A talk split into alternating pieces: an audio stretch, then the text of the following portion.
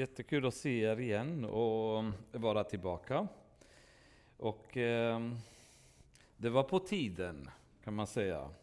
Man, eh, man känner en andlig förstoppning när man inte får, får del av Guds ord på ett tag. Man bara känner det är så mycket som bild, bildas upp och eh, skönt att kunna träffa, träffas och prata lite om Gud. Ehm, Då går vi vidare genom Jeremia. Femte kapitlet stannade vi någon gång i mars, så det var väldigt, väldigt lång tid.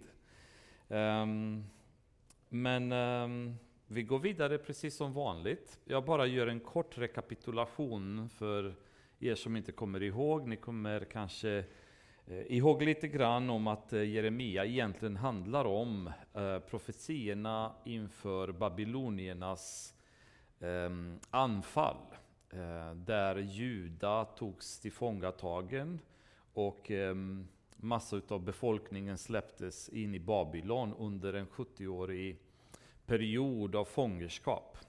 En, eh, ett fångenskap som hade som orsak deras um, syndiga leverne under flera hundra år, där de hade konstant brutit mot ett antal av Guds bud, bland annat de hade inte firat eh, sabbatsåren, de hade inte befriat slavarna var sjunde år och så vidare. Och eh, som straff för de eh, 490 år där de hade struntat i att följa de här buden, så fick de eh, gå in i fångenskap under 70 år. Jeremia eh, är lite parallell, alltså sker ungefär under samma tillfälle som Daniel, Hesekiel bland annat. Så det är ju samtida profeter, de är tre stora som har levt ungefär under samma period.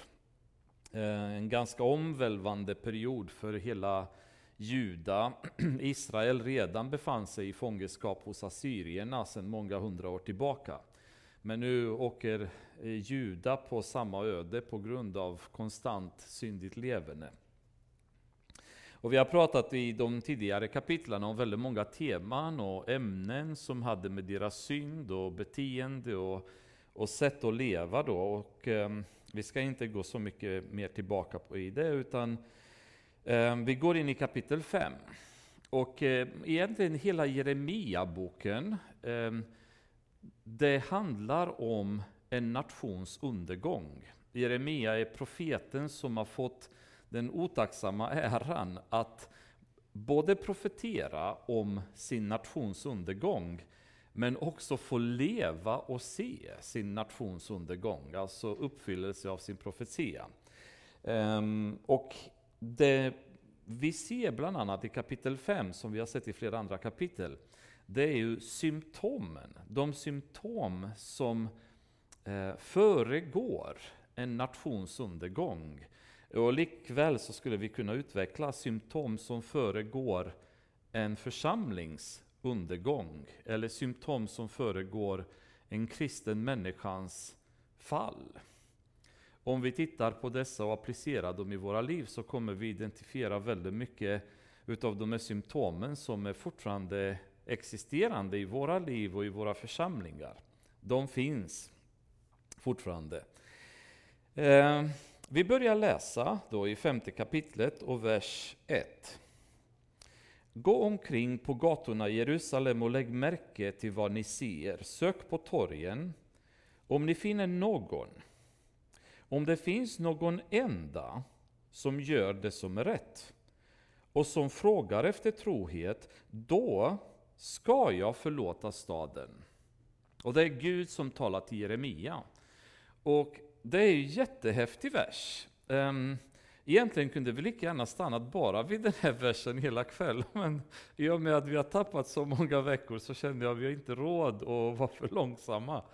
Um, men vad Gud säger till Jeremia, det är att landet har hamnat i ett så fruktansvärt förfall. Så han i princip säger till Jeremia, om du kan gå ut på gatorna i Jerusalem, om du, faller, om du finner en enda människa som lever i trohet, då ska jag skona staden. Ganska häftigt. Ehm, I Första Moseboken, 18 kapitlet, så befinner vi i den situation då Sodom och Gomorras synd, de börjar, det, det har blivit så stort, så Gud skickar änglar för att förgöra de här två städerna. Änglarna de eh, kommer och besöker Abraham och Sara, de umgås med dem ett tag, och sen informerar de att de, de kommer gå vidare för att förgöra Sodom och Gomorra på grund av deras synd. Och Abrahams eh, brorson Lot, han bor ju där med sin familj. Och Abraham känner en viss nöd för de här städerna, så han springer efter änglarna och säger att Herre, om, om det finns 50 människor i staden, kan, kan du tänka dig att skona de här städerna? Och Herren svarar och säger att om jag finner 50 människor så kommer jag skona de här städerna. Och då blir det en eh, förhandlingssituation där mellan Abraham och Gud på ett klassiskt orientaliskt vis där Abraham med mycket respekt ber om ursäkt till Gud att han måste ändå pressar det lite mer och säger men om du nu kan tänka dig skona för 40 människor som är trogna dig. Ja, svarar Gud, jag kan skona staden om det är 40. Och så går Abraham vidare, han ser att nu kan jag pressa min, min tur här och så börjar gå mer och mer och så kommer han ner till 10 där han säger, nu Gud det här är min sista, mitt sista bud ungefär, min sista önskan. Om det finns tio i Sodom och Gomorra, kan du tänka dig att skona städerna då? Och Gud svarar, om jag finner tio, så kommer jag göra det.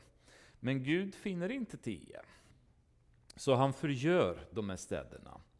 I flera andra sammanhang i Bibeln, bland annat både Jeremia, Hesekiel, så pratas det om att Judas synd hade blivit så, Ehm, så djup så att den var mer syndiga, de var mer syndiga nu i Juda, att Jerusalem hade blivit en mer syndig stad än vad Sodom och Gomorra var på, på deras tid.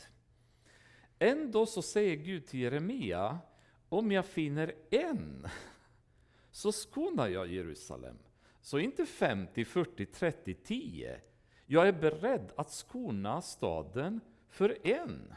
Att skona hela landet om jag finner en som är mig trogen, säger Gud.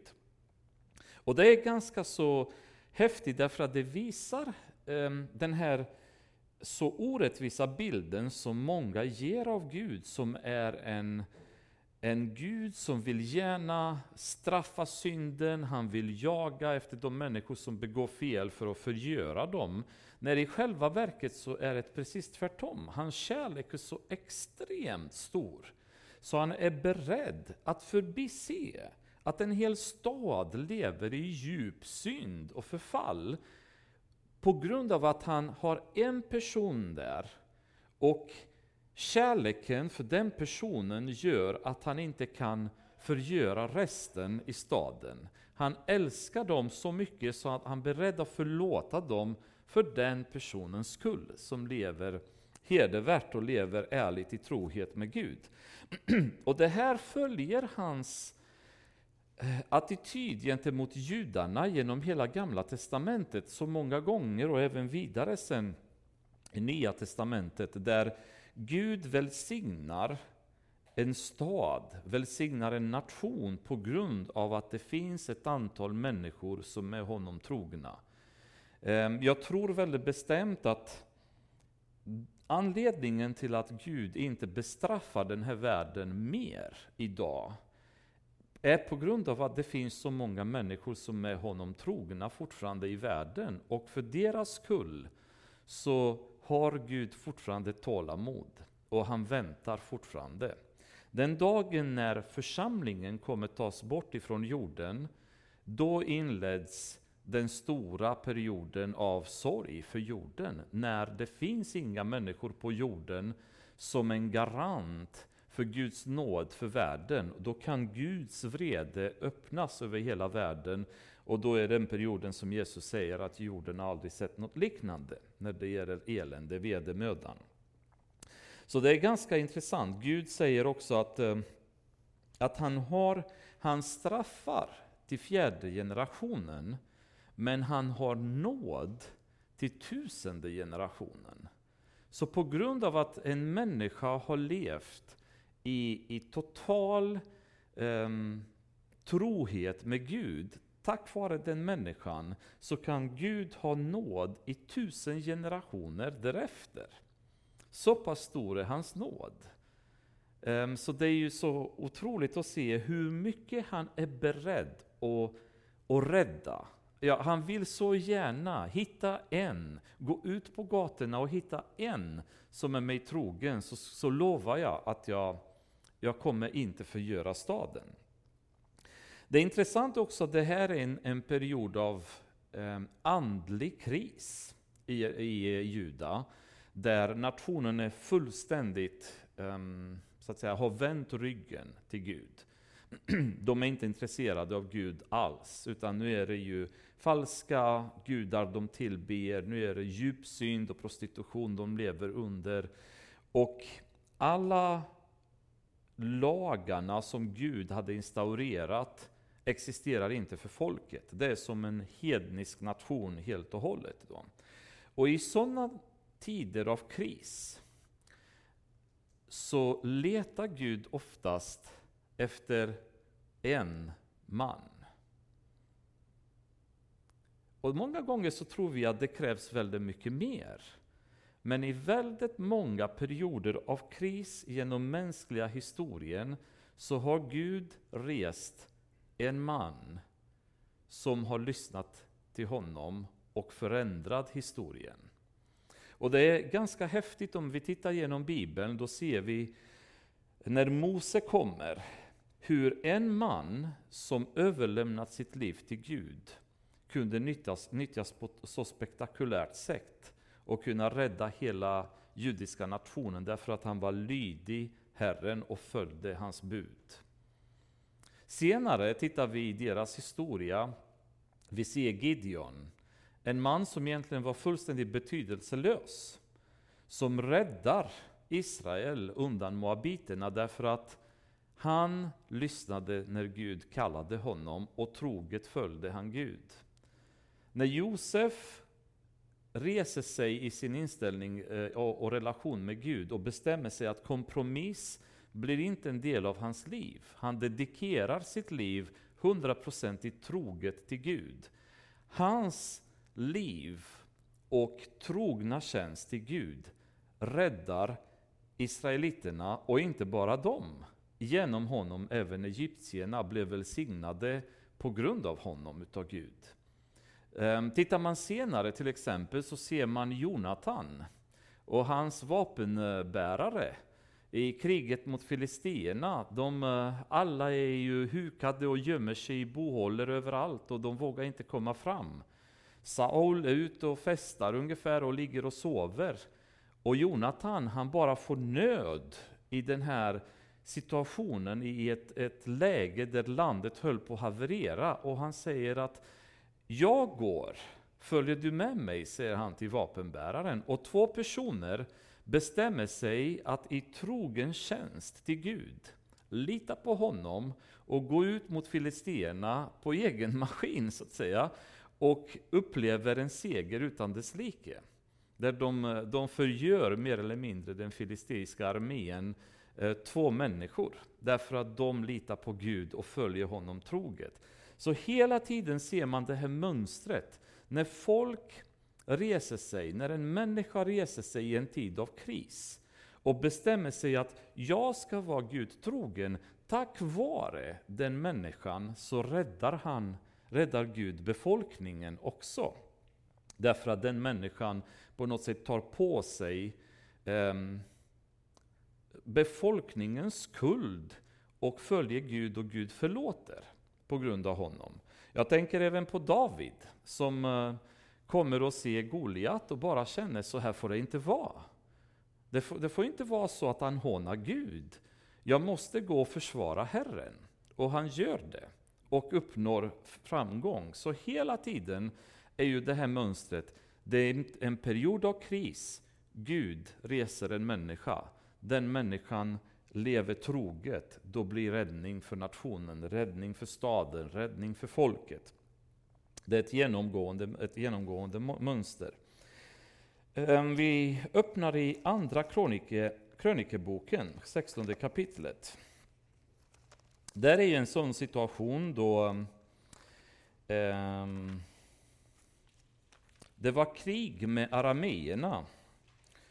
Och um, kungen bestämmer sig att söka hjälp. Ehm, men han går inte till Gud. Utan han, eh, han söker hjälp hos andra kungar. Och ehm, man kan säga att kriget vinns mer eller mindre, men Gud blir väldigt besviken med kung Asa på grund av det. Och säger att du har gått och sökt hjälp ut, eh, hos andra kungar utan att du sökt mig först. Och då har Gud nästan en, en förklaring för honom om hur han tänker i situationer av kris. Vad Gud förväntar sig av oss att vi ska göra.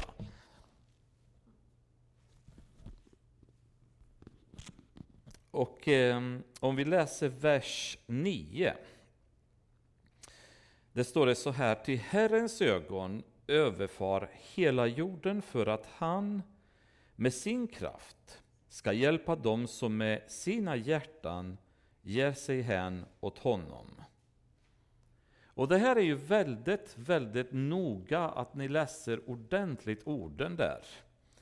Herren letar över hela jorden över hela jorden för att hitta människor där han med sin kraft ska kunna hjälpa dem som med sina hjärtan hänger sig till honom. Det han söker, det är människor som hänger sina hjärtan till honom för att han sedan med sin kraft ska kunna hjälpa dem. Det är inte genom någon människos styrka, utan det är genom Guds kraft det ska ske. Det är genom Andens kraft det sker. Det skapar man en situation då man som människa hela tiden lever i ödmjukhet och är fullständigt medveten om att det här är inte jag. Jonathan visste att han i egen kraft skulle aldrig har kunnat besegra den filistenska armén. Gideon visste att med de 300 man som han tog med sig skulle aldrig någonsin ha kunnat besegra moabiterna.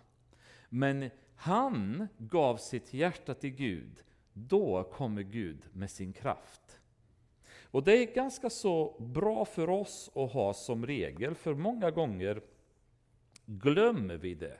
Eftersom vi lever i en värld som sköter sig själv. Har man ett problem av något slag så löser man problem på världsliga sätt. Har man en konflikt med en arbetsgivare, då går man till facket. Eh, eller eh, har man problem med någon annan eh, administration, vad som helst, ja, men då går vi till en stämningsdomstol och så startar vi en stämningsansökan. Är vi sjuka, då går vi direkt till vårdcentralen. Vi gör precis som världen gör. Medan Gud säger, det jag vill, det är att du först kommer till mig. Kom först till mig och sök hjälp hos mig så att du kan se hur jag sen kan visa min kraft i ditt liv och du ser hjälpen komma. Då kommer du växa, då kommer du bli starkare i, i tro. Då kommer du kunna pröva mig och se att jag älskar dig, att mina ord och löften stämmer. Men allt som ofta så blir det så att vi springer och löser våra problem på världsliga sätt, som alla andra gör. Men många gånger bör vi vända på det, söka Herren först. Gå till Herren i bön, ge vårt hjärta till Herren, leva troget med honom och låta honom eh, ta över. Sen är det ju mycket möjligt att han vill att vi ska sen gå och söka en läkare och han kommer leda den läkarens hand och hjälpa oss och så vidare. Men att vi alltid är beredda att söka honom först. Det är ju det problemet han hade med Asa här, att han hade sprungit till en annan kung istället för att gå till Herren först och söka. Men Herren säger, det jag vill från dig, det är ditt hjärta. Det du får från mig, det är min kraft. Det är den relationen som Gud söker hos oss. Och när vi sitter och lever i permanent i permanenta misslyckade liv kan man säga, när saker och ting hela tiden går dåligt för oss, så bör vi kanske ställa oss frågan, hur ligger det till med våra hjärtan? Har vi verkligen en relation med Gud där vår, vårt hjärta tillhör honom? Eller sjunger vi bara om det i lovsång, men i själva verket så har vi inte överlämnat våra hjärtan till honom? För när vi gör det, det är då vi kan ta del av hans kraft. Så det, där befinner vi oss här, då Gud skickar Jeremia på stadens gator och säger Gå och leta efter någon som är mig trogen. Vers 2. Men även om de säger så sant Herren lever, så svär de ändå falskt. Så sant Herren lever, det var ett uttryck som användes många gånger i Gamla Testamentet som en slags eh, talespråk. Ett, man kan säga ett religiöst talesätt. Och vi är väldigt duktiga också inom församlingen i kyrkan idag att använda religiösa termer, så det låter fint när vi pratar, så att vi, vi låter religiösa, vi låter pingstaktiga när vi pratar, eller vi låter på ett sådant sätt så vi känner att det karaktäriserar oss som kristna. Eh, vi tilltalar varandra med broder, syster, vi säger halleluja, vi säger frid. Alltså alla dessa fina eh, kristna ord som vi använder många gånger eh, är eh, något som karaktäriserar oss. Och så var det i Israel många gånger att de använde det här uttrycket ”så sant Herren lever”. Eh, det förekommer flera gånger i Gamla Testamentet om man läser om det. då. Men Gud säger till Jeremia att även om du hittar folk i staden som beter sig religiöst, som talar rätta religiösa ord, som säger halleluja vid rätt tillfälle och som vet hur man ska prata om Guds ord, hur de vet hur man pratar om Jesus och de vet hur man ska säga liksom rätt ord vid rätt tillfälle, så är deras hjärta korrupt i princip, säger Gud. Eh, det är falskhet i deras liv. De pratar väl, men de lever fel. Det är exakt det problemet de hade. Folket visste hur de skulle prata. Kom ihåg att den här delen av Jeremia eh, troligen är skriven efter att kung Josia hittade lagboken. Efter att reformer hade börjat införas in i, i Juda, eh, riva ner en del av avgudadyrkaställena och så vidare. Men folkets hjärta var fortfarande icke omvänd. Men språket var korrekt. De sa rätt saker, de betedde sig på något helt annat sätt. Och Gud säger till Jeremia, de är bara falska, de säger bara saker, men det är falskt det de säger. Jesaja beskriver det här läget ännu finare i 29 kapitlet i vers 13. Där han säger, Herren har sagt, eftersom detta folk nalkas mig med sin mun och ärar mig med sina läppar, men låter sitt hjärta vara långt ifrån mig, är fruktan för mig bara ett inlärt människobud. Jesaja 29.13. Den här sista delen är ganska så tragisk egentligen. Är fruktan för mig bara ett inlärt människobud? Det här inlärda beteendet är så extremt farligt för oss kristna. För vi gör saker som vi ser andra göra. Ungdomar som går på eh, fina väckelsemöten eller ungdomskonserter och så vidare, som börjar följa vad alla andra gör. Någon hoppar på en scen och, och studsar upp och ner med händerna så börjar alla andra följa efter. Och min fråga är varför? Är det verkligen för att Gud driver dig i ditt hjärta och göra det och du bara känner jag måste hoppa inför Herren, i vilket fall så är det helt okej, okay. gör det. Eller gör du det bara för att du kopierar någon annans beteende? När vi som predikar eller pratar i predikostolen kopierar någon annans sätt att prata för att kunna skapa uppmärksamhet. Och vi säger halleluja liksom mellan verserna bara för att på något sätt lägga lite extra stämning. Inte för att jag i mitt hjärta vill prisa Gud, men jag har förstått att om jag säger det så, så skapar det en väldigt god stämning i församlingen och kyrkan bara följer med och ropar efter mig och så, så blir det en god stämning i kyrkan.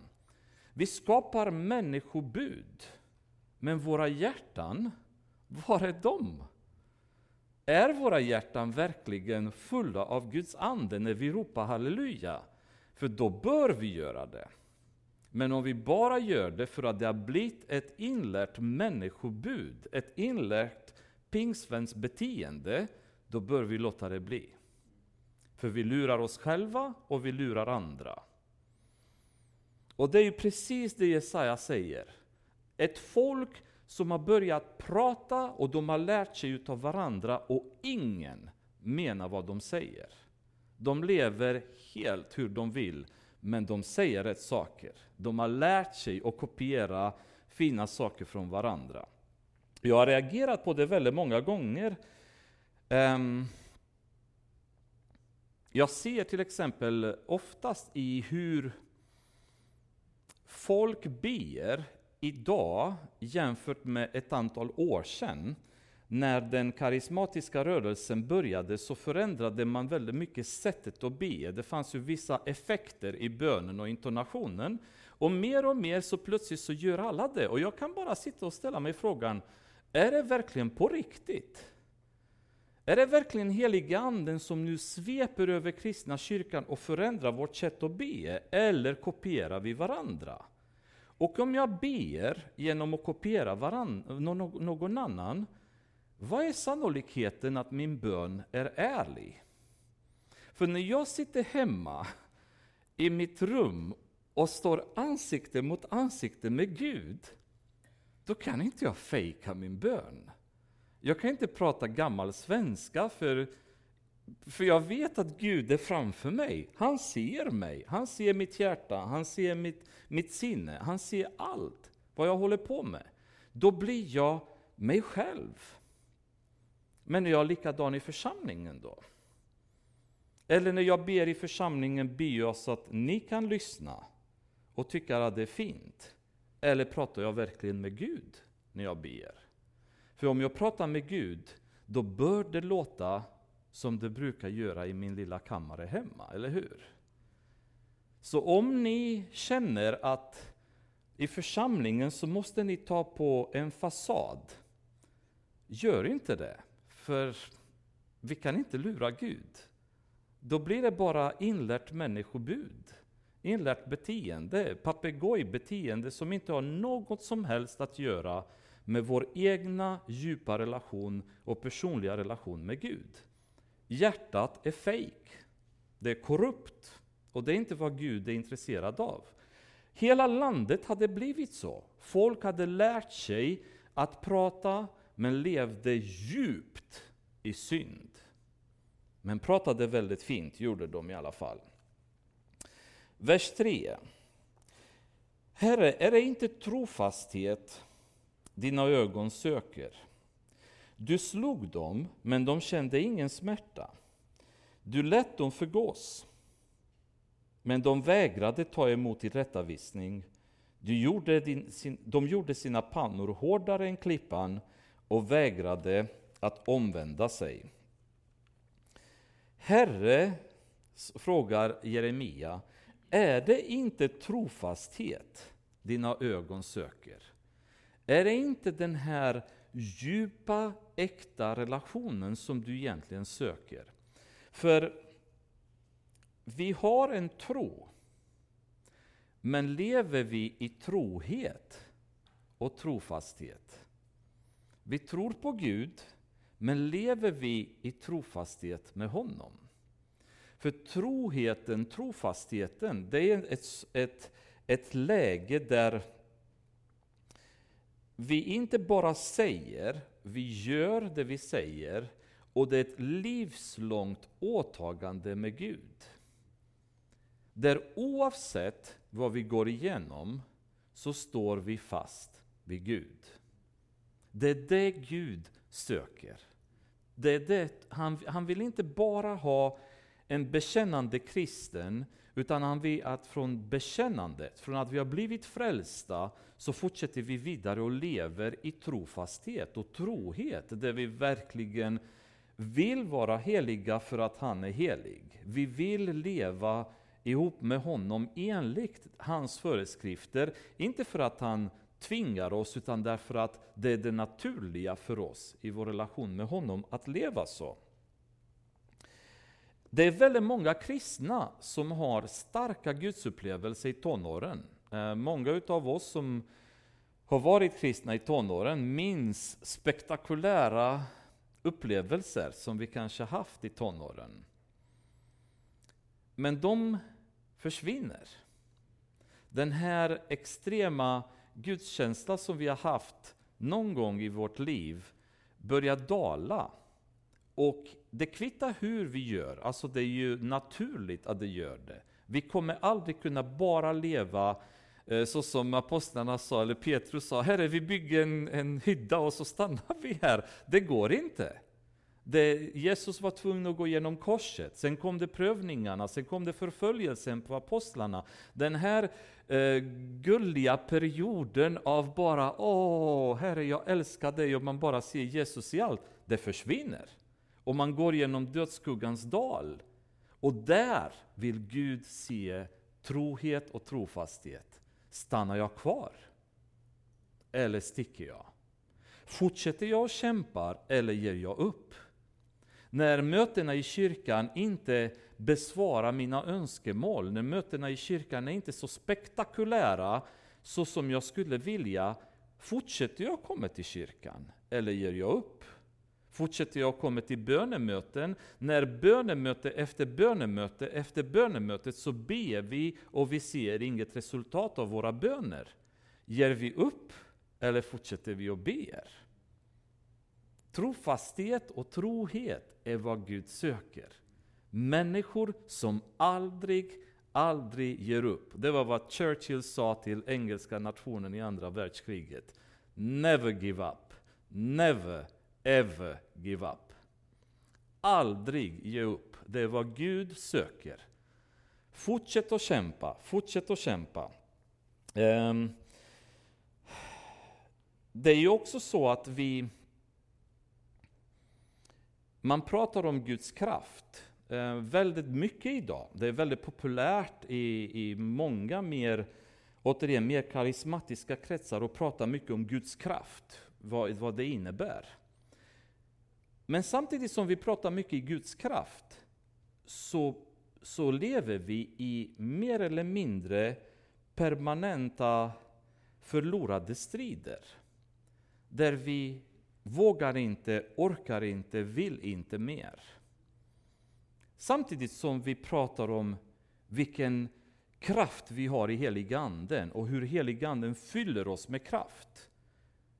Men sen när söndagen kommer, då har vi inte kraft att maka oss till mötet. Men vi pratar sen om vilken kraft vi har i heliganden. Men vi orkar inte be. Men vi har sån kraft i Guds ande. Tal! Bara tal! Ingenting annat. Tomma ord. Det är precis vad Gud säger. Tomma ord. Det här är inte trohet, det här är inte trofasthet. Det här är bara tomma ord. Som inte leder någonstans. Man tror sig vara död mot världen. Vi, vi vill tro att vi har dött mot världen, vi är levande för Gud nu. Men hela vårt liv är präglat utav kärlek för världen. I hur vi klär oss, i hur vi pratar, i hur vi beter oss, i vad vi gör. Världen upptar det mesta utav våra liv. Men vi är helt övertygade om att när vi har kommit ut ur den här dopgraven en gång i tiden, då har vi dött mot världen och nu är vi levande för Gud. På riktigt? Inte alls. Vårt liv är fortfarande genompräglad utav kärlek för världen. Och Gud säger, det jag söker, det är trofasthet. när du kommer ut ur den här graven, när tårarna och när glädjen har lagt sig, så vill jag att du ska fortfarande vara mig trofast. Jag vill att du ska fortfarande vara med mig och göra fortfarande det jag kallar dig att göra. Oavsett hur tufft det kan bli. Man vill evangelisera. Men så fort man har pratat med några kompisar om Gud och de inte, inte besvarar våra samtal, så ger vi upp. Vi orkar inte evangelisera mer, för folk är inte intresserade. Vi kommer till bönemötena och när vi inte vi, vi får svar, så ger vi upp. Och Gud säger, jag söker trofasthet. Min tid är inte din tid, min plan är inte din plan. Det enda jag söker är att du gör min vilja och fortsätt och fortsätt och banka på den där dörren tills jag öppnar det. För det kommer att öppnas, det har han lovat. Den som knackar, den dörren kommer öppnas åt honom. Men vi orkar inte knacka tillräckligt. En av puritanerna, John Brown, sa en gång att många kristna är som små barn. De vill så och skörda samma dag. Det är inte roligt att så, utan alla längtar till skörden hela tiden. Ingen vill slita och göra såddarbetet, men vi vill så gärna skörda. Och jag känner igen mig själv i detta. Jag vill, när jag pratar med en människa om Gud, så vill jag att han ska bli frälst då, direkt. Jag vill inte gå hemma och se att jag inte fått något resultat. Att han inte bryr sig, eller att han fullständigt inte ens har hört vad jag har sagt. Jag vill se resultat. Jag vill så och skörda omgående.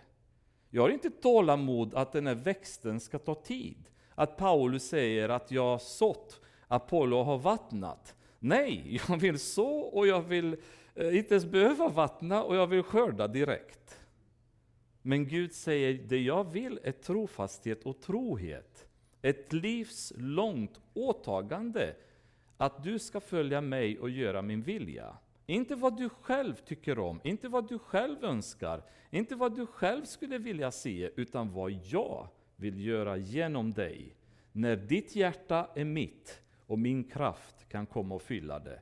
Det är det Gud är ute efter. Men vi är så dåliga på det.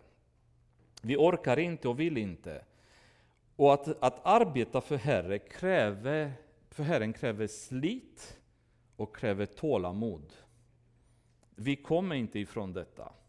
Allt annat eh, existerar inte. Och inte bara det, men vet att motståndet i arbetet för Herren kommer vara konstant och hårt. Allt annat ni kan förvänta er kan ni glömma. Den dagen som ni kommer arbeta på riktigt för Herren, så kommer motståndet bli konstant och hårt. Ni kommer inte ifrån det. Men bakom det så finns det återigen Guds kraft. Så vilket motstånd vi än möter är ju omöjligt för någon att stoppa oss när vi går i Guds kraft. För han som är i oss är starkare än den som är i världen. Men motstånd kommer vi se, och tyvärr är ju det som har gjort att väldigt många genom åren eh, inte har orkat. Att man har tillfälligt tappat blicken, tappat fokus från Herren och hamnat på omständigheterna och då är det tungt för motståndet är så hårt. Vi kämpar inte mot kött och blod, vi kämpar, kämpar mot de andemakter som vi har pratat i Efesierbrevet om. Och det är inte lätt att kämpa mot de andemakterna. Och tappar man fokus från Gud så går man under. Man orkar inte, man kan inte kämpa mot djävulen på egen hand. Utan fokus måste hela tiden vara på Herren. Jag tror också att um, en del pastorer, predikanter, ibland, um, alltså varje, som jag kan tänka mig, varje pastor, varje predikants dröm måste vara att se kyrkan full. Inte bara det, man vill se kanske kyrkan dubbleras, tredubblas, fyrdubblas, bara öka. Väckelse, det är vad man vill, det är vad man brinner för när man är pastor eller predikant. Och väldigt många pastorer har den längtan. Tyvärr så har en del pastorer dock inte tålamodet att vänta. Jag lyssnade på en pastor som eh, till slut var med i en stor väckelse som inträffade. I 17 år hade han kämpat och bangat huvudet mot väggarna hela tiden utan någon som helst framgång. I 17 år. Efter 17 år så plötsligt så hände det, utan att han gjorde någonting annorlunda. Utan det var Guds tid mogen. Under den här tiden så har han fått lära sig leva fattigt, har han fått lära sig vara fullständigt beroende av Gud. Han har fått lära sig att han är fullständigt värdelös och utan Gud så kan han inte göra någonting. Han har lärt sig att han inte ska leva i köttet utan i allt söka anden för att kunna klara sig. Och när den läxan var lärd så var det dags för Gud att kunna använda honom. För innan dess så var det för mycket honom och för lite Gud. När Gud krossade honom fullständigt, då kunde han använda honom därefter. Och i och med att väldigt många pastorer inte har det där tålamodet och vänta, så börjar de försöka att locka folk på kötsliga sätt till församlingarna. De tappar den här trofastheten, att hålla sig fast vid Gud, hålla sig fast vid ordet, hålla sig fast vid bönen, hålla sig fast vid församlingsgemenskapen. Och så börjar man istället showa, spexa, hitta på saker, göra något annat som helst drar folk till kyrkan. Och då blir det istället att det blir urvattnat, det blir världsligt, det blir kötsligt och det blir dåligt. Så det är väldigt viktigt att vi har det där tålamodet, vilket är inte jättelätt. Det är lätt att säga men inte lätt att ha. Men Gud är det han söker. Han söker trofasthet, trohet. Aldrig, aldrig ge upp. Fortsätt bara. Fortsätt att pressa fram. Vers 4. Då tänkte jag, nu är klockan kvart i, så ni undrar, kommer jag hinna resten på en kvart? Så nu, nu är det dags att ni börjar be, be till Gud så att mirakel sker. Då. då tänkte jag, det är bara de enkla människorna som är dåraktiga, till de känner inte Herrens väg, sin Guds domslut. Jag vill nu gå till de stora och tala med dem. De måste ju känna Herrens väg och sin Guds domslut. Men också dessa har brutit sönder oket och slitit av banden. Och det är ganska intressant. Så vad Jeremia säger, jag fattar att de här enkla människorna inte fattar någonting. För folk är analfabeter på den tiden, de gick inte i skolan, de var inte jätteutbildade. Så Jeremia tänker, okej, okay, jag förstår att de här inte vet något. Men då kanske de som är lärda, då kanske de som är höguppsatta i samhället, de har begripit detta. De har förstått hur viktigt det är att följa Gud. Och då säger han, då ska jag gå till de här och kolla om de gör så.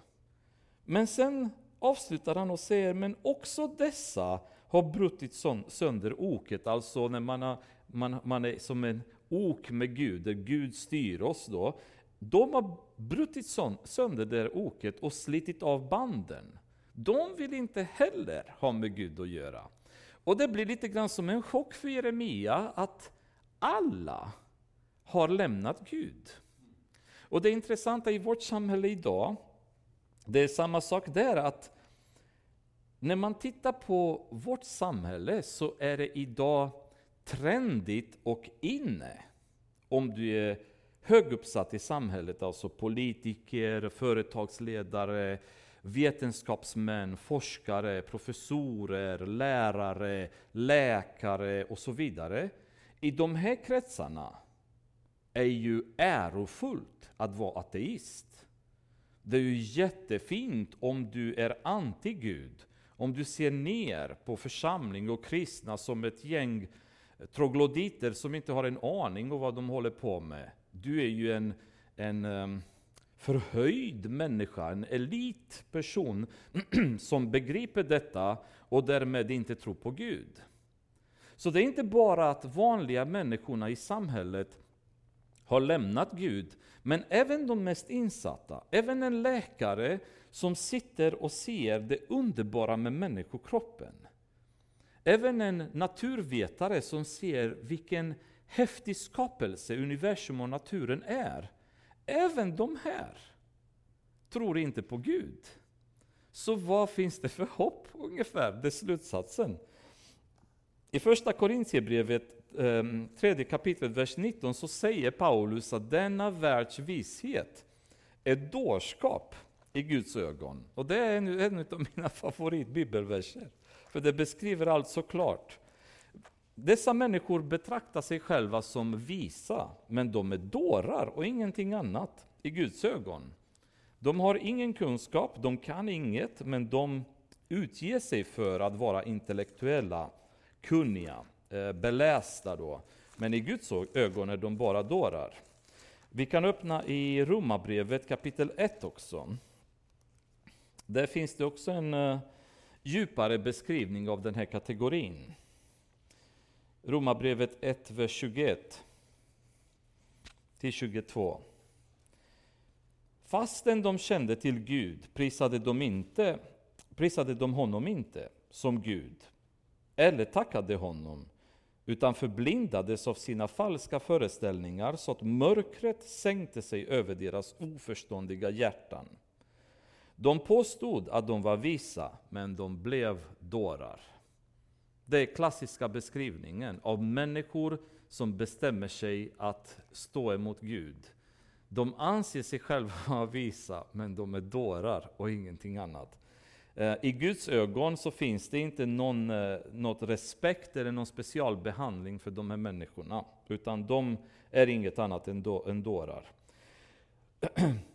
I och med denna situation, när Jeremia står praktiskt taget och tittar och säger det finns ingen människa som är trogen. De små, de enkla i samhället är fallna. De som är höguppsatta, eliten i samhället, de lärda, de är fallna också. Vad finns det kvar att göra? Det finns inget annat än Guds dom som kommer vidare. Därför ska lejonet från skogen slå dem och vargen från ödemarken slita sönder dem. Leoparden ska lura vid deras städer och var och en som går ut därifrån ska rivas ihjäl. Ty deras överträdelser är många och deras avfall talrika. I Guds ögon, alltså om man tänker i världen, är det inte lite tragiskt att människor som har makt och höga positioner verkar oftast komma undan rättvisa. Är de tillräckligt rika, är de tillräckligt höguppsatta, så kan de göra mer eller mindre vad som helst och inget händer. Medan alla andra människorna måste betala priset. Fuskar du lite med pengar, med skatt, har du kört mot rött eller vad som helst, parkeringsböter, det måste du stå för. Men är du politiker, det behöver du inte. Är du en höguppsatt man, så kan du komma undan att betala skatt. Du kan fiffla, det är helt okej. Okay. Det är godkänt. Du kommer undan rättvisa för du är höguppsatt. I Guds ögon dock, när dessa människor, människor syndar, så finns det ingen specialbehandling för dem. Du kan vara Sveriges konung. I Guds ögon är du ingen om du inte har gett ditt liv till honom, om ditt hjärta inte tillhör Gud. Du kommer behandlas precis som alla andra. Du kan vara statsminister, du kan vara EU-minister, du kan vara vem som helst, bästa forskare i Sverige. Du är en nobody i Guds ögon om du inte är hjärtat hjärta till honom. Det är bara domen som väntar på dig, precis som på vilken annan människa som helst. Och de tror jag, de här människorna, har väldigt svårt att förstå det, därför att de är så vana vid sin arroganta höga position i världen, att ingenting når dem, ingenting rör dem. Så de förstår inte att om de inte ger sitt liv till Gud, så blir det evig förbannelse och dom som väntar på dem också. Precis som på alla, på alla andra. Och det är vad, vad Gud säger här, domen kommer att komma över alla, hela nationen. Varför skulle jag förlåta dig? Dina barn har övergivit mig och svurit vid gudar som inte finns. Jag gav dem fullt upp av allt, men de begick äktenskapsbrott och samlades i skaror vid horhusen.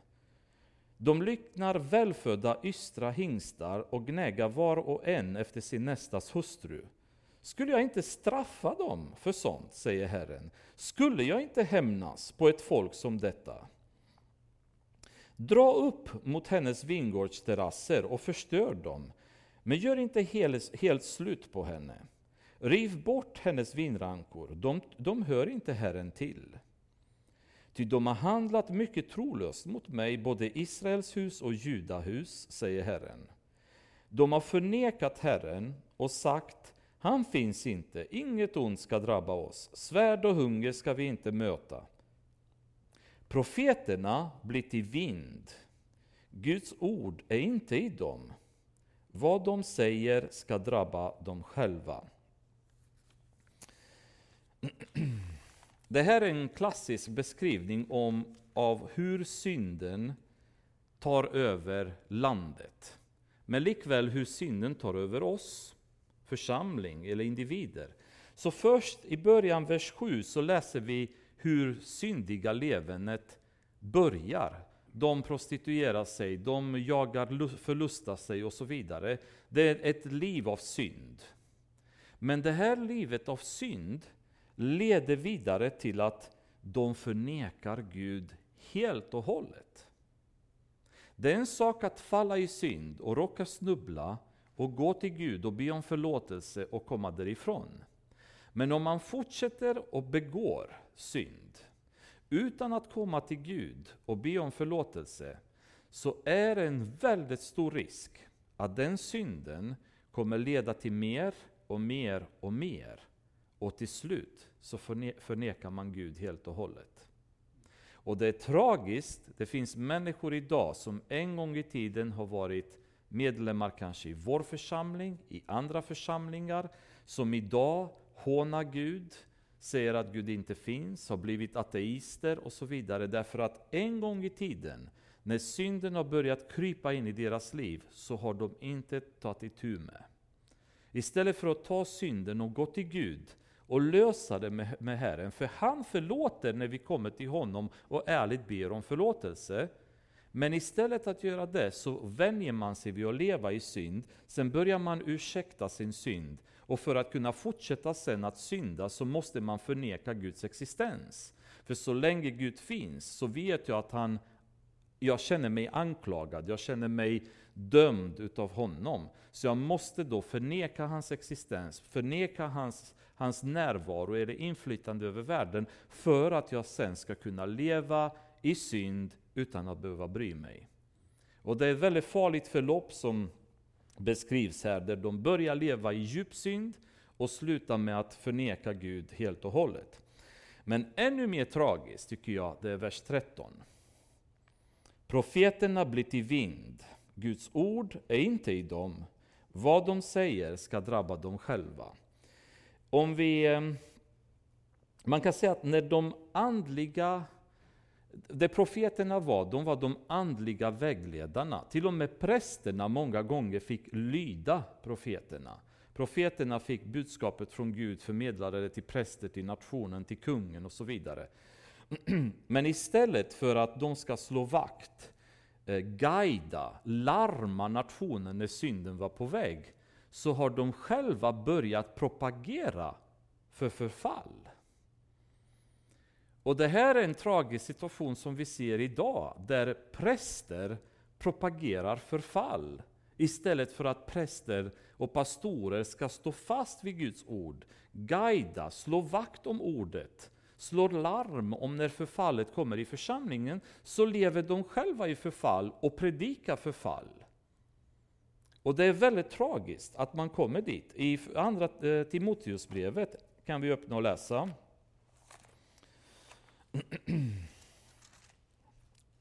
Eh, fjärde kapitlet. kan läsa från vers 1. Paulus uppmanar Timoteus och säger Jag uppmanar dig allvarligt vid Gud och Kristus Jesus som ska döma levande och döda och inför hans uppenbarelse och hans rike predika ordet. Träd fram i tid och i otid. Bestraffa, tillrättavisa och förmana med all tålamod och all undervisning. Ty det ska komma en tid då människor inte längre ska stå ut med den sunda läran, utan efter sina egna begär ska de samla åt sig mängder av lärare. Mängder av lärare. Allt eftersom det kliar dem i öronen. De vägrar att lyssna till sanningen och vänder sig mot, till myter. Men var du sund och förnuftig i allt, bär ditt lidande, utför en evangelists gärning och fullgör din tjänst. Oh. Var är dessa predikanter idag? Skulle jag våga fråga. Var finns de där predikanterna och pastorerna som vågar eh, predika Guds ord operverterad? De som faktiskt vågar straffa. De som vågar förmana. De som vågar undervisa församlingarna rätt. Var finns de som med tålamod går igenom undervisning med församlingar? Men det, det fastnade lite grann den här, det är bestraffa och tillrättavisa. Alltså hur coolt är det? På en skala mellan 0 och 10, att ha en pastor som kommer till mig när jag lever i synd och, och liksom inte låter mig ligga där, utan kommer och, och, och liksom drar i mig och tillrättavisar mig i all tålamod, med all kärlek, men släpper mig inte. Hur länge tror ni att en sån pastor skulle få vara kvar i församlingen innan man hugger huvudet av honom? Hur populära är sådana pastorer i församlingar? Som säger som det är. Som talar om när synden kryper in. Som vågar ingripa fast e, medlem X och Y känner sig kränkt eller besviken. Som står fast vid Guds ord till varje pris. Hur populära är sådana församlingsledare idag? Finns de ens? Eller har vi sådana som undervisar myter, sagor i församlingen, roliga historier, eh, berätta allt möjligt som folk tycker om att lyssna på? Som det kliar dem i ögonen, saker som vi gillar att höra. Och då kommer pastorn och prästen och församlingen och pratar om feminism i kyrkan, om, om hur viktigt det är med miljö, numera att vi tänker på miljön och diskuterar miljöfrågor med församlingen. För det är det folk vill prata om nu, eller hur? Det är det som kliar deras ögon. Vi tar upp hbtq-frågor, för det är så intressant. Det är så berikande för våra liv och fördjupa oss i hbtq-frågorna. Och då sätter vi prideflaggor på svenska kyrkor för att visa hur, hur viktigt det här är för oss, vilket fantastiskt ämne att diskutera i. Vad det kliar öronen för de som sitter och lyssnar. Och median och politikernas öron kliar så bra. Men när är det Timoteus uppmanades av Paulus att göra? Han uppmanades att stå fast vid ordet. Predika det i tid och i otid. Bestraffa, tillrättavisa. Undervisa med tålamod. Och då säger han i slut, men var du sund och förnuftig i allt, bär ditt lidande, utför en evangelistgärning och fullgör din tjänst. Paulus säger, det, det här är inte skoj. Det blir lidande. Men bär du fram det här och utför din tjänst, det är det du är kallad till att göra. Profeterna gör inte det längre i Israel. Profeterna predikar lögner profetera lögner. Eller rent ut sagt ingenting. För det finns faktiskt kyrkor och församlingar idag där du kan sitta på ett möte och det sägs ingenting. Det är tomma ord. Det är dött. Fullständigt dött. Det är det de håller på med. Profeterna har vänt. De predikar inte Guds ord, de guidar inte folket, de leder inte folket som förr i tiden gjordes. Utan nu säger de sina egna saker. Och Jeremia har fått smaka på det själv, därför att under hela hans verksamma tid så har Jeremia ropat, det kommer en nation som kommer ta över landet. De kommer förgöra er och kommer flytta folket härifrån. Och profeterna sa, nej, nej, nej, i Gud har vi räddning, Gud hjälper oss. Och Jeremia säger nej, Gud kommer hjälpa oss inte. Det kommer en, en kung som kommer ta över allt. Ni måste ångra era synder, ni måste omvända er. Nej, nej, nej, säger profeterna. Vi vet att Gud är kärlek, han är underbar, han kommer inte låta sin nation gå under. Fina ord, men falska. Det var inte vad Gud hade sagt, det var inte hans vilja. De profeterade sina egna ord. Och Gud säger, vad de säger ska drabba dem själva. De kommer betala priset för det. Paulus sa i Romarbrevet eh, kapitel 1, vers 6. Jag skäms inte för evangelium. Men varför gör vi det då i så fall? Varför skäms vi över att stå och predika evangelium i kyrkan? Varför måste vi predika något annat? Varför kan inte vi ta ordet och predika det? Och Paulus säger, jag skäms inte för det. Jag står fast vid det där ordet. Jag skäms inte, men vi gör det hela tiden. Därför säger Herren, vers 14, härskarornas Gud så. Eftersom ni talar på detta sätt, se därför ska jag göra mina ord i din mun till en eld, och detta folk till ved, och elden ska förtära dem. Så Jeremia får en auktoritet över folket nu genom den här versen. Så jag ska låta den, det, ett hedna folk komma över er fjärran ifrån, ni av Israels hus, säger Herren, och starkt hedna folk, ett urgammalt folk, ett folk vars språk du inte känner, med ett tal du inte förstår. Deras skogar är som öppen grav, de är alla hjältar. De ska sluka din skörd och ditt bröd, de ska sluka dina söner och dina döttrar, de ska sluka dina får och din nötbudskap. De ska sluka dina vinstockar och dina fikonträd. Dina befästa städer som du litar på ska de förstöra med svärd. Av att döma så är det ju babylonierna det handlar om. Ett stort folk, ett våldsamt folk, otroliga krigare som mer eller mindre fullständigt ödelagde hela Juda och Jerusalem. Då. Men inte ens då vill jag göra helt slut på er, säger Herren. Om ni då frågar, varför har Herren vår Gud gjort oss allt detta? ska du svara dem. Liksom ni har övergivit mig och tjänat främmande gudar i ert eget land ska ni nu få tjäna främlingar i ett land som inte är ert. Jag tror att ett av de hårdaste straffen som Gud kan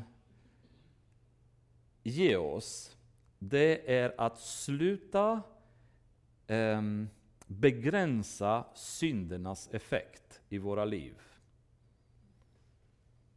För en anledning till att vi har det så bra är att Gud i sin nåd begränsar effekterna av vårt syndiga levande hela tiden. Genom sin underbara kärlek och nåd. Men den dag när Gud skulle bestämma sig att ta bort sin hand och låta våra synder ge effekt, det är det hemskaste som egentligen kan hända i världen. Förstå vilka, vilken slakt, vad, vilket mördande, vilken plundring, vilken själviskhet som skulle spridas över hela världen. Vilket fullständigt Ehm, trampande av alla människorättigheter skulle, skulle ske omgående. Det skulle bli helvetet på jorden omedelbart. Men Gud är där hela tiden och bromsar de här effekterna av vad synden kan skapa. Men vad han säger nu via Jeremia, det är att i alla år har ni hållit på och tjänat gudar som är falska. Så vad jag kommer göra nu, är att jag kommer möjliggöra för er att fortsätta att göra det. Fast då kommer ni göra det i det land där de här gudarna egentligen tillhör, i Babylon. Ville ni tillbe de där gudarna? Jättefint, fortsätt med det. Men då gör ni det som slavar i Babylon, utan rättigheter, utan ett land, utan någonting. Efter att ett land blir fullständigt plundrat, så ska ni nu åka till Babylon och se vad underbart det är att tillbe Molok och Astarte och alla de andra gudarna som de hade, Ishtar, och, och, och så får ni se vad underbart det är att leva där i det landet där de är gudarna styr. För ni har längtat dit, det är det ni har velat hela tiden. Så nu, be my guest ungefär, säger Gud. Det är det jag kommer göra. Jag kommer låta er komma till det landet, och varsågod. Då får ni vara där i 70 år och se hur underbart det är att leva i synd.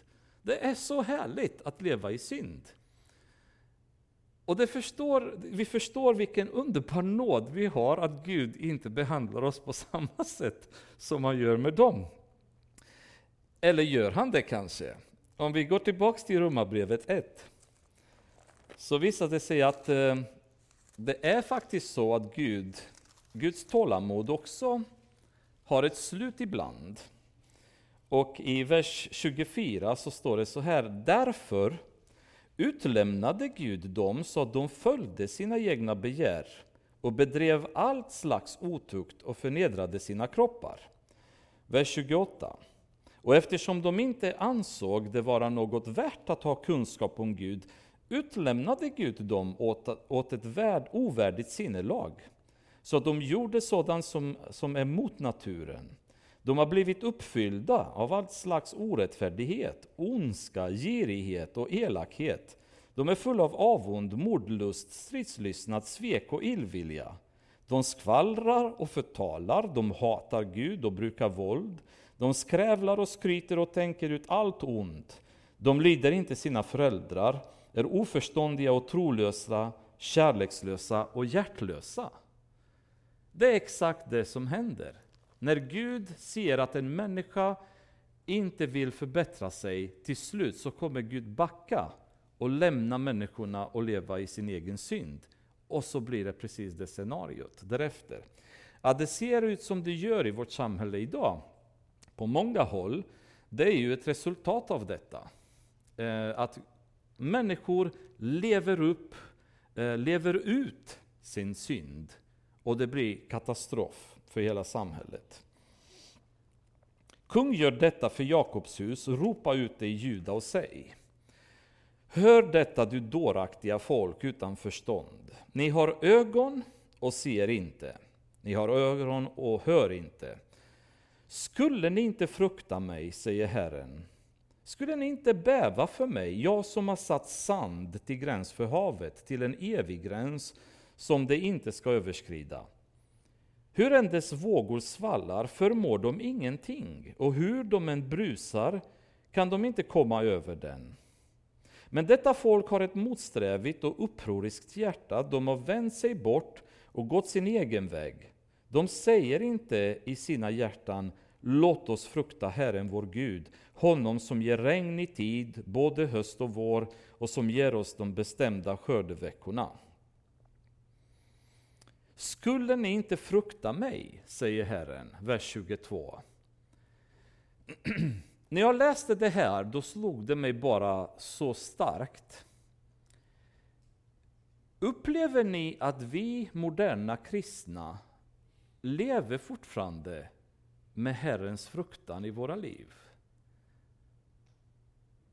Jag har väldigt, väldigt svårt att se det, både i mitt liv och generellt sett i församlingarna, i andra kristna som jag möter, så är sällan, utom vissa undantag, då jag möter kristna människor som verkar leva med Herrens fruktan.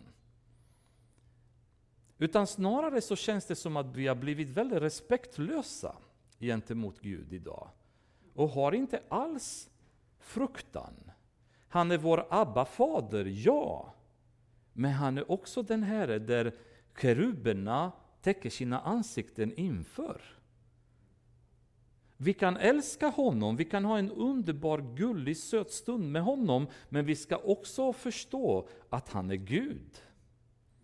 Han säger, förstår inte ni vem jag är? Förstår inte ni att jag har gjort haven, sanden, stränderna, det är jag som gör, så ger regn. Först, fruktar ni mig inte? Förstår inte ni vem ni har att göra med, säger Gud där.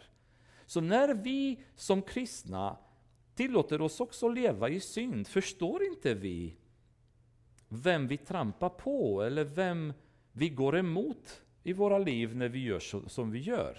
Har vi tappat fruktan? För idag känns det som att budskapet om synd har orsakats med framgångs och underhållningsteologi. Vilket gör att bönerna om syndanåd är borta. Det är väldigt sällan, väldigt sällan som jag har varit på bönemöten när jag hör folk ropa Gud förlåt oss, förlåt oss våra synder. Faktum är att det är väldigt sällan jag är på en bön någonstans där någon ens säger Gud förlåt.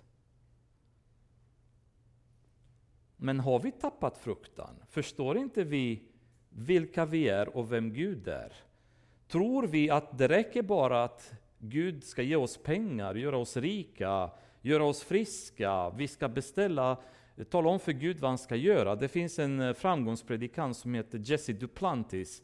Han säger att han har varit i himlen, träffat Jesus och haft eh, träffar med Paulus, Abraham, snackat med alla liksom. Och Eh, Eh, bland annat så har han regelbundna konversationer där Gud kommer till honom och säger Jesse, vad tror du att vi ska göra här då?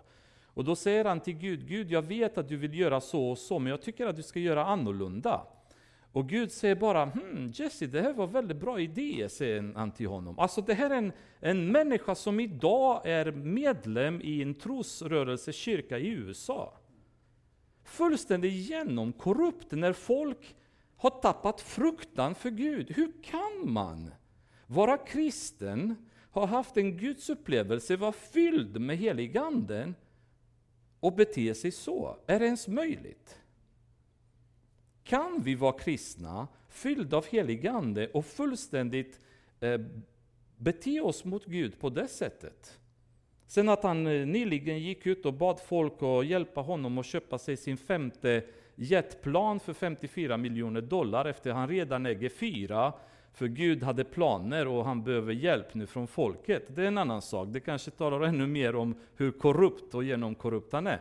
Men jag reagerar gång på gång när jag ser sådana människor, och kanske även mitt eget liv ibland, i min egen relation med Gud, när jag tillåter mig att synda och inte känner rädsla inför Gud. Ja, Jesu blod finns och täcker oss. Ja, jag är frälst. Men det här är inte ett, ett pass för mig att kunna fortsätta att leva i synd precis som jag vill, om jag har någorlunda respekt och fruktan för Gud. Och Gud säger, var är eran frukta? På mötena idag i kristna församlingar, om man tänker förr i tiden så var väckelserna eh, kännetecknet för väckelserna, det var människorna fick synda nöd.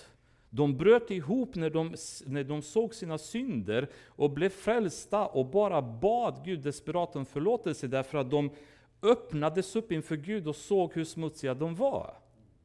Idag har vi skrattväckelsen istället i Toronto. Det är vad, vilka väckelser vi har idag jämfört med, med förr det, det är skrämmande. Det är ju liksom en, ett avfall i församlingen som stinker hela vägen upp till himlen. Och det känns inte som att folk inser att det är Gud vi har att göra med. Det finns ingen respekt, ingen fruktan. Och det känns som att vi, vi tappar just det här medvetandet att det är Gud vi har att göra med. Vi måste frukta honom. Vi är hans barn. Han älskar oss, inga, inga konstigheter, men det, ins, det innebär inte att vi inte får respektera och frukta honom. Bönen i säck och aska, i ödmjukhet och fruktan, som gamla testamentaliska människorna hade, är idag ersatt utav eh, konserter med DJs, med rök, med ljus, med häftiga upplevelser med fullständig människofokus. Och man bara sitter där och tänker, var är Gud? Har vi blivit så högfärdiga så fokuset är på oss och vi har tappat fruktan? Troligen. Era missgärningar, vers 25, har nu bringat detta i olag. Era synder håller det goda, detta goda bort från er. Det är ju det som är med, med Guds kärlek. Han älskar oss oavsett.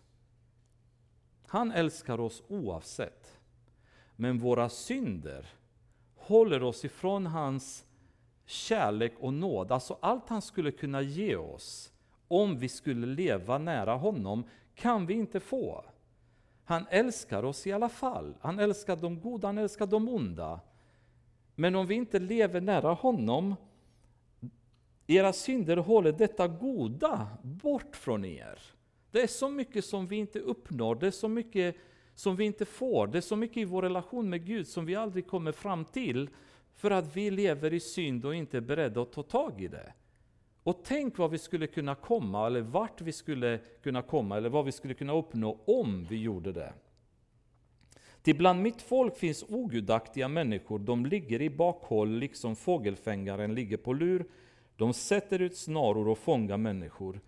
Som en bur full av fåglar så är deras hus full av svek. Därför har de blivit stora och rika, de har blivit feta och skinnande. Deras onda gärningar vet inte av någon gräns. De dömer inte rättvist, de verkar inte för, för den faderlöses sak och hjälper inte den fattige att få sin rätt. Skulle jag inte straffa dem för sånt, säger Herren, skulle jag inte hämnas på ett hedna folk som detta. Förfärliga och fruktansvärda ting sker i landet. Profeterna profeterar lögn och prästerna styr efter deras råd. Så vill mitt folk ha det. Men vad ska ni göra när slutet på detta kommer? Jag funderar gång på gång med tanke på att man sitter och ser hur år efter år många politiker, statsmän ljuger för oss. Varför är det så att när det är dags att gå till val, att vi fortsätter att välja dem? När man ser att man har korrupta präster och pastorer i församlingar, varför fortsätter vi och accepterar dem och väljer dem? Svaret är, givet utav Gud, så vill mitt folk ha det. Därför att vi vet att politikerna ljuger för oss. Vi vet många gånger att det som sägs, det som görs i kyrkan, inte alltid är som det ska. Men så länge världen slipper behöva följa Gud, så kan de följa vad som helst istället. De bryr sig inte om de blir lurade, förtryckta, manipulerade, bara vi slipper ha med Gud att göra. Vi kan tro på vad som helst, vi kan tro på evolution, vi kan tro på att vi har kommit från en gås, vi kan tro att det har varit utomjordingar som har skapat oss. Vi kan, vi kan acceptera vilken lögn som helst och vi vet innerst inne att det är lögn. Eh, lärare i skolan som undervisar evolution, väldigt många vet att det de undervisar är falskt. Men de gör det ändå. För att alternativet är att säga att det är Gud och det vill vi inte. Så bättre vi undervisar en lögn, bättre vi tror en lögn. Men en sån befolkning som lever med en sån inställning får den ledning den förtjänar.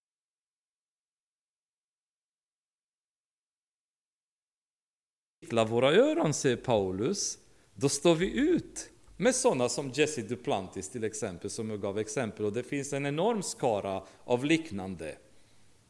Och kyrkorna är ju megaförsamlingar. Jag skojar inte, det är ju tusentals och tusentals som går till de församlingarna och är ständigt plundrade på pengar, manipulerade och lurade, men de säger rätt saker för deras kittlande öron. De säger att Gud vill att du ska vara rik. Vem vill inte det? Gud vill att du ska vara frisk, vem vill inte det? Gud vill att du ska ha framgång i livet, vem vill inte det? Och då sitter vi där och låter våra öron kittlas samtidigt som dessa människor fortsätter och härjar okontrollerade därför att folket gillar det. Det är det stora problemet. Paulus får det så tydligt fram. De här kittlande öronen är så goa så vi är beredda att acceptera synd. Men vad ska ni göra när slutet på detta kommer? Herre, jag tackar dig för ikväll och ber att du ska verkligen hjälpa oss. Hjälp oss, Herre, att bara fly från dessa kötsliga begär och kötsliga inställningar i att känna dig. Allt som är fejk och påhittat, Herre. Låt oss få bara som individer och församling söka dig. Eh, det finns så mycket i våra liv, Herre, som vi behöver bli bättre på. I hur vi behandlar varandra, hur vi ser varandras, hur vi bär varandras bördor. Hur vi ser den faderlöse, den fattige, den som behöver hjälp, den som behöver ett gott ord, en uppmuntran. Det är så mycket, Herre, i våra liv som behöver bli bättre. Hjälp oss att kunna komma dit, Herre, i Jesu namn och genom din heliga Andes kraft. Jag ber att du ska hjälpa våra hjärtan, Herre, och tillhöra dig helt och hållet. Även om det kommer bli tufft, Herre. Det kommer bli hårt. Vi kommer kanske vara ensamma många gånger, oaccepterade eller oförstådda av vår omgivning. Kanske till och med bröder och systrar i kyrkan som inte begriper sig på oss. Vi kanske betraktas som galningar eller konstiga människor som ingen vill umgås med. Herre, hjälp oss, ge oss styrka att umgås med dig. Om du vill umgås med oss, låt oss få söka oss dit. Om alla vänder oss ryggen, Herre, det må så vara. Men hjälp oss att vara dig trogna, Herre, och inte inte leva ut en falsk kristendom, Herre, där vi bara säger saker och inte menar och inte gör någonting av det vi säger. I Jesu namn. Amen.